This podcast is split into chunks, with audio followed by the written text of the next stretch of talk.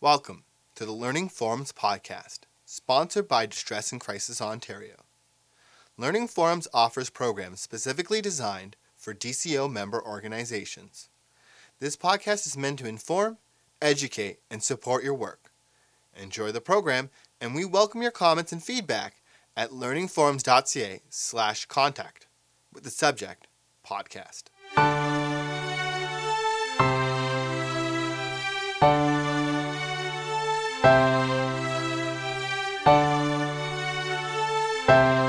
Hi, I'm Lynn Bruin, and I'm here to talk to you today about professional approach to report writing for clients.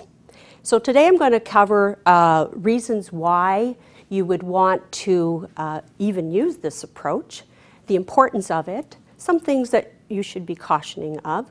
I'm going to talk a little bit about subjective and objective writing, what's the difference, and how to uh, use wording that would be considered more professional when you are recording your distress calls. So the first part I'm going to talk about is even understanding why you would even consider that there's a different way to write. A few things that you need to keep in mind are it's valuable for others who are possibly going to read your report to uh, be able to pick it up and understand what happened during that session the language needs to be written in such a way that anybody who reads it will uh, get the details, uh, perhaps understand a little bit some of the major issues, yet be able to read it without any judgments made about what was happening. So, part of that, when I talk about the judgment, is writing in a professional manner would include respect for the caller, respect for their issues, again, as I said, and respect for them as a person. You want to remain conscious of their privacy and even the privacy of other people that they might mention uh, in the call. Because those people may not and will not, in most cases, know that a caller come, has called in and has provided information about them. So we also need to be conscious of those folks as well. In accordance to privacy laws, people do have access to their information. And so, again, you need to be very careful in how you write your reports because if at any time somebody, a client or a caller, would like to know what's been written about them, they do have a right to subpoena or request that information. So, know that there are laws about that. So, there's a couple of ways to write.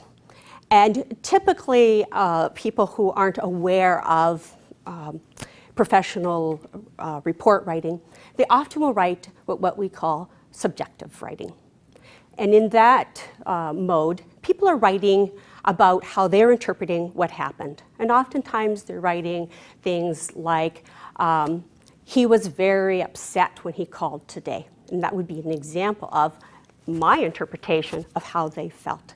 And we need to be very careful about that. And I'm going to talk about different ways that you can write.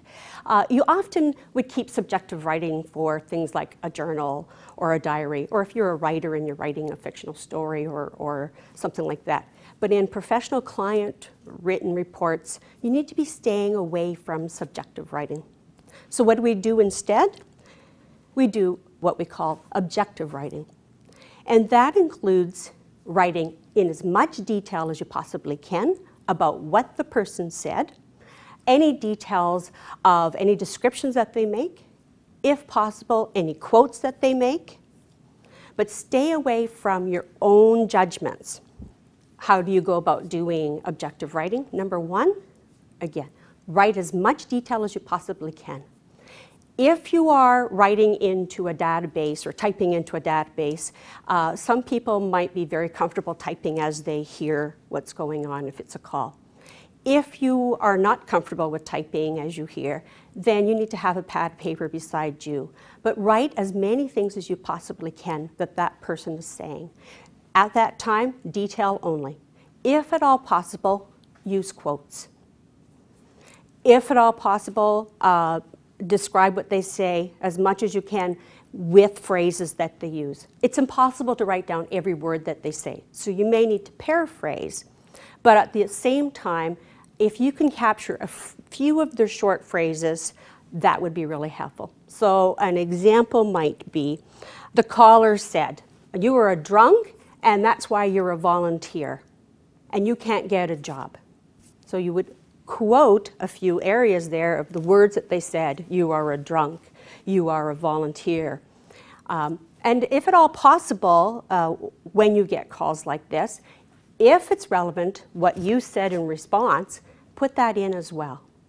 I responded by telling him I would end this call if he continued, blah, blah, blah. All right? So make sure that you're writing in as much detail. Uh, put the quotes in that you can. Uh, again, if you can't do the whole sentence, that's fine, but put the little um, the, the quotation marks around the phrases that you can capture. Describe what you are told, but avoid telling interpretations of what you're being told. So, and sometimes it's a fine line and it can be very difficult. You might say the caller used a very loud voice, which was very shrill. Then she said, I want to hit my husband. So the loud voice and the shrill some people might challenge that and say, well, that's a bit of an interpretation. But if I'm wanting to convey to you, the reader, uh, you know, the essence of what was happening, then I think it's pretty okay to sort of describe what anybody would interpret as this was a very loud voice and it was shrill. Okay? If you start to say the the caller was out of control, screaming and you you know going on and on like that, then you're starting to uh, doing some interpretations. So be very careful. Tell it like it is so that anybody who picks up this report should get a picture of what happened and be able to uh, make their own, I guess, assessment of what happened during that call. As I said before, many people, when they're writing their uh, records for report, forget to put in quotation marks. And that's such an important uh, marker for a reader to know that this is somebody else's words. When recording what the caller says, indicate that they said something, such as, she reported that, blah, blah, blah. She said, dot, dot, dot. She said it, she reported it, she announced, anything like that, so that the, the reader will know that this is what you were told. And it's also pointing out that I didn't interpret this. She told me she was upset. She told me she was angry. He told me he was furious. It's okay to write what their feelings are if they have told you what they are. When the call is over, go back and review what you've written. If you're able to type it in as you go, um, that's fine. There should be a way that you can go back and fill in any blanks.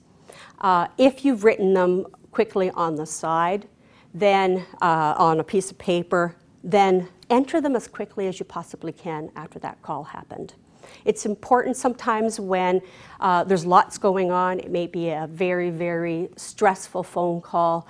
Um, you may have uh, a need for intervention at that time, you might be into a whole mode of trying to fix things that you might forget. So make sure as quickly as possible that you go back and you fill in those blanks right away.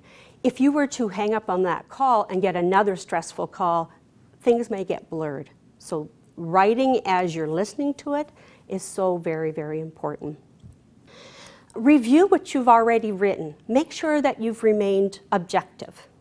You've stayed away from statements that started with, he was upset, he was sad tonight, he was hurting. All right?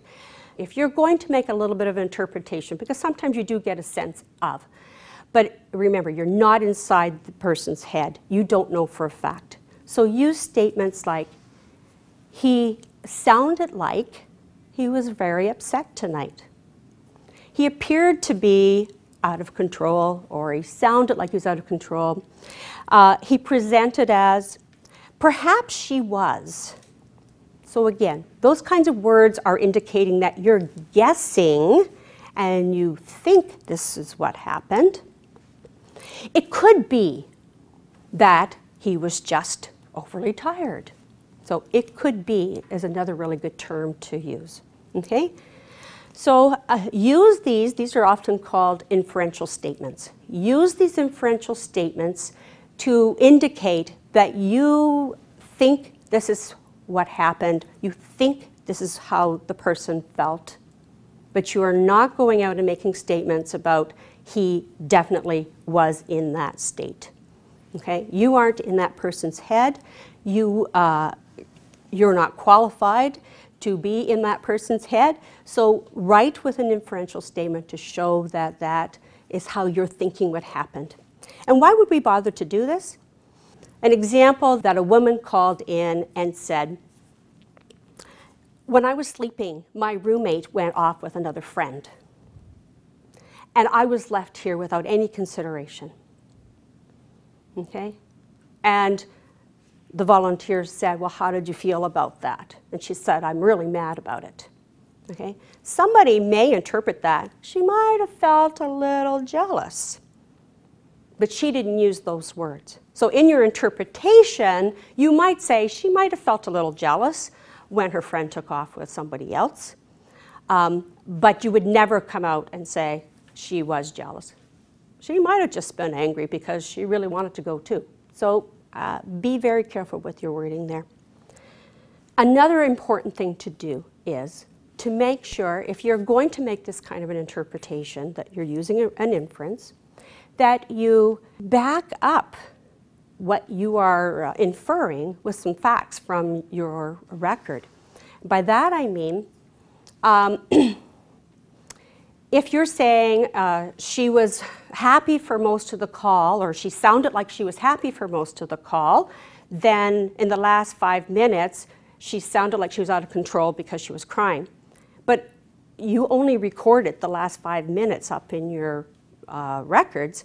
It would be very confusing for a, writer, uh, for a reader to come along and, and why would you even think she was happy? You know, you only recorded information when she wasn't happy. So be careful. And that's where we go back to the very first part, the importance of recording in as much detail as possible.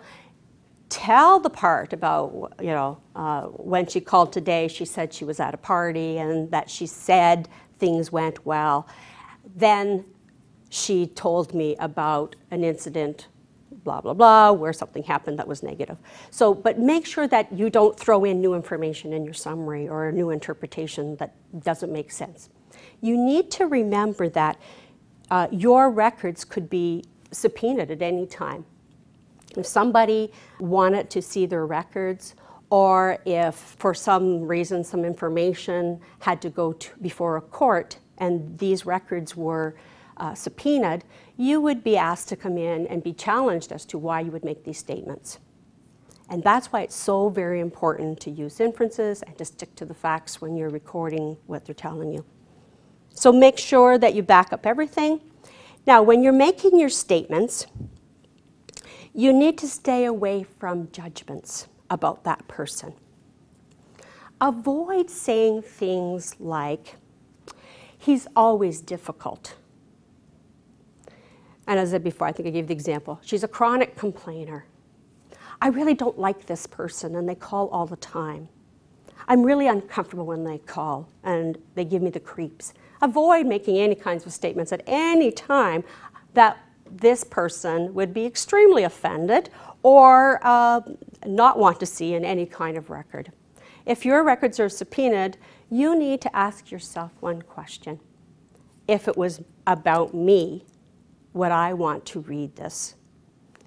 If it was about me, would there be anything in this report that I'd feel very uncomfortable and hurt by? If you stick to the facts, use inferences when you're doing a little bit of an interpretation or a summary, then uh, you have reasons for feeling okay with what you've written. Best practices when you're recording anything for a database, it's really important to put in uh, all the information that the database is asking for. So if you can get a sense of the age of the person, the gender, if ethnic is of value, put it in, uh, or importance, um, things, whatever the database is asking for. Of course, make sure that you fill in all the blanks to what kind of concerns that person is presenting with. And the value of that is the uh, the center for which you are recording this information may use it for future funding requests, uh, community requirements. Are you actually, you know, is the agency providing the service that they say they are? So they may need that for even, as I said, funding for uh, future projects. Also re- for recording trends of what callers are presenting with. And so it helps the coordinators of the programs to plan future educational uh, programs for the volunteers or anybody who else is involved. So very, very important to make sure you put in as much information as possible. Avoid using names or last names or inputting names or last names unless they're very relevant you need to make sure that you remember that on a distress line, it's there for uh, anonymous people, like people to remain anonymous when they're calling in, and that they can freely talk without anybody saying, "Oh, I know who Jim Smith is. They live down the street, or they went to school with my child." And if you are using names and you've got some regulars who do call in, make sure that you're not assigning nicknames to them. Okay? If you have two people named Susan who call regularly, and you're at a meeting and you're saying, uh, you know, Susan called the other night and she presented with these issues. Which Susan was it? The one with the squeaky voice or the one that has the, you know, more typical voice? No, squeaky. So squeaky Susan. Okay, so squeaky Susan has the problem. Then the next time that people go on distress call, you know, recording distress calls, they record it as squeaky Susan, so everybody knows that it's squeaky Susan. This would be really inappropriate. Make sure that you're sticking to, as I said, don't add any other nicknames or uh, any markers that would be, number one, offensive, but inappropriate as well. But if Susan says, I prefer to be called Susie, she's assigned that nickname to herself, then it's okay to use that name uh, when you're recording. In conclusion, keep in mind that your reports and your case notes are there for everybody else that might possibly read. So other professionals might read your reports. Other volunteers may come in on their shift and read your reports. The more detail you give, the better. The more objective you stay, the cleaner that the report looks and more professional that you look. A good idea for you to do is to review the Freedom of Information uh, and Privacy Act so that you know that uh, people have rights and may, uh, you know, may access information about themselves and the expectations that are down by law that you should be observing. All right. Also, it's a good idea to review with your agency their confidentiality uh, policies to make sure that you're following them at all times. Okay. Any questions? Yes? What is the situation in which a volunteer would ask a caller their last name and their address? There are a few situations in which you would possibly ask them for that kind of information. And that would be in a situation in which uh, the, the uh, caller may be uh, in danger or have a health uh, physically or have a health issue and that you need to call 911 send an ambulance send the police of course, you need their information, and as much as possible, that will help for uh, these services to get to them. But otherwise, uh, if it's not relevant to any situation, um, it's their right to not have that information uh, gathered. What are your recommendations if the caller uses expletives or swear words? Do you record those? Personally, I think that if it's relevant to uh, proving uh, what kind of um, abusive words that they are using towards you as a volunteer, um, then it might be helpful to write it as they say it. If it's uh, they just talk using it all the time, you may make note that you know they used a fair amount of swearing words or whatever, and um, and you've asked them to to cease. Okay, so I would also make a record of that. Okay. But if there's a swear word, you record it if it's relevant. So, in closing, I just want to say that we've talked in general about a number of uh, uh, approaches to how to record information in a professional approach, but you also need to go back to your own centers and make sure that uh, any of the recommendations that I made um, are uh, relevant to what you've been trained and how you've been told to write your records. So, I've given you uh, information that is more broad, but you need to always go back and double check with your own agency.